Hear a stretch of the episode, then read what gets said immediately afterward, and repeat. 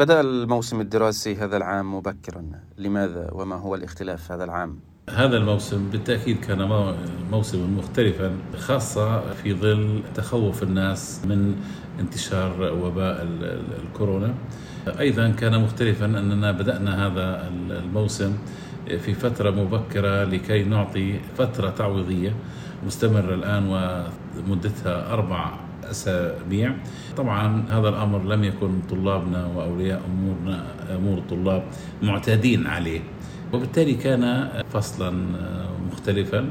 وإن شاء الله ستنتهي هذه الفترة التعويضية دعنا نقول في نهاية هذا الشهر. ثم سنبدأ كالمعتاد عامنا الدراسي إن شاء الله في يوم السبت الخامس من سبتمبر. لا يوجد حالات داخل المجتمع في غزة مصابة بفيروس كورونا.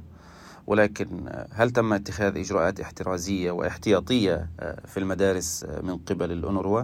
يعني صحيح أنه غزة ليست منطقة موبوءة والحمد لله ولكن القلق موجود وضرورة اتخاذ الإجراءات الصحية والاحترازية مهمة جدا من أجل ذلك نحن قمنا بالتعاون مع برنامج الصحة وبرنامج البنى التحتية في وكالة الغوث بعدة إجراءات.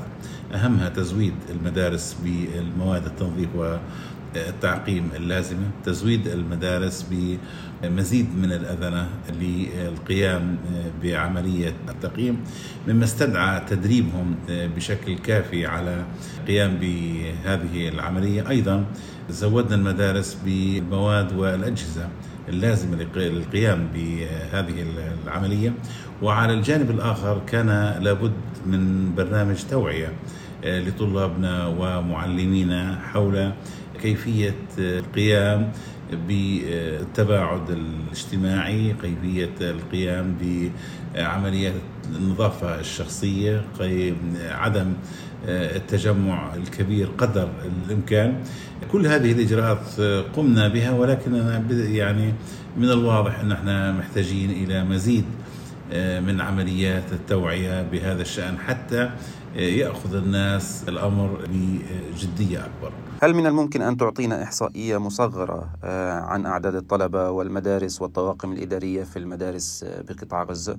لدينا في مدارسنا أكثر من 285 ألف طالب موجودين في 277 مدرسة نحن نقدم التعليم الأساسي من الصف الأول حتى الصف التاسع ويشرف على هؤلاء أكثر من عشر ألاف موظف من معلم إلى مدير مدرسة إلى مختص إلى مشرفين إلى كتبة وإداريين وأذنة.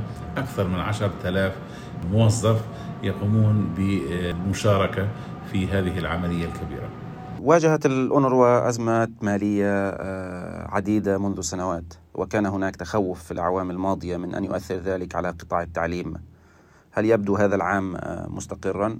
السيد المفوض العام وكل إدارة العليا لوكالة الغوث تضع التعليم على رأس أولوياتها. وفي كل السنوات السابقة منذ بداية الأزمة المالية كان بداية العام الدراسي وتقديم خدمة التعليم هي من الهواجس الكبيرة التي واجهت إدارة الوكالة. ولكن في كل عام عملت إدارة الوكالة مع الدول المانحة والدول المضيفة على تأمين بداية العام الدراسي في كل الميادين في موعدها. وإحنا هذا العام بدأنا العام الدراسي في موعده وبنأمل إن شاء الله أن تنجح إدارة الوكالة في تجنيد الميزانيات اللازمة لاستمرار العام الدراسي. لا يخفى على أحد الواقع الاقتصادي السيء في قطاع غزة وارتفاع معدلات الفقر والبطالة. هل هذا يؤثر على التعليم؟ هذا يؤثر تأثيرا مباشرا. فنحن لا نستطيع أن نعزل أنفسنا عما يدور في المجتمع.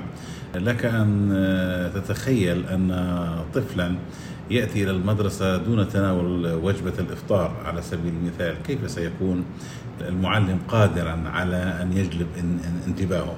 لك أن تتخيل طالب في الصف السابع مثلا يأتي من بيت فيه أربع خريجين من إخوته. أنهوا دراستهم الجامعية بتفوق ولم يجدوا وظيفة. كيف للمعلم أن يستطيع أن يوفر الدافعية لدى هذا الطالب للتعلم؟ بل أكثر من ذلك لك أن تتخيل طالبا يسمع شكوى والده من عدم قدرته على توفير الاحتياجات الأساسية له للذهاب إلى المدرسة من حقيبة من زي مدرسي من قرطاسية. أيضا أولياء الأمور في ظل الضائقة المالية التي يمرون بها أصبح قدرتهم على متابعة أبنائهم أقل مقارنة بالسابق لأنه يقضي معظم وقته في توفير الحد الأدنى لازم لمأكلهم وملبسهم. فبالتأكيد كل هذه الأمور تؤثر بشكل سلبي كبير على ما نقوم به في مدارسنا. احتمال وصول الفيروس إلى داخل المجتمع في قطاع غزة قائم بحسب تصريحات مسؤولي الصحة.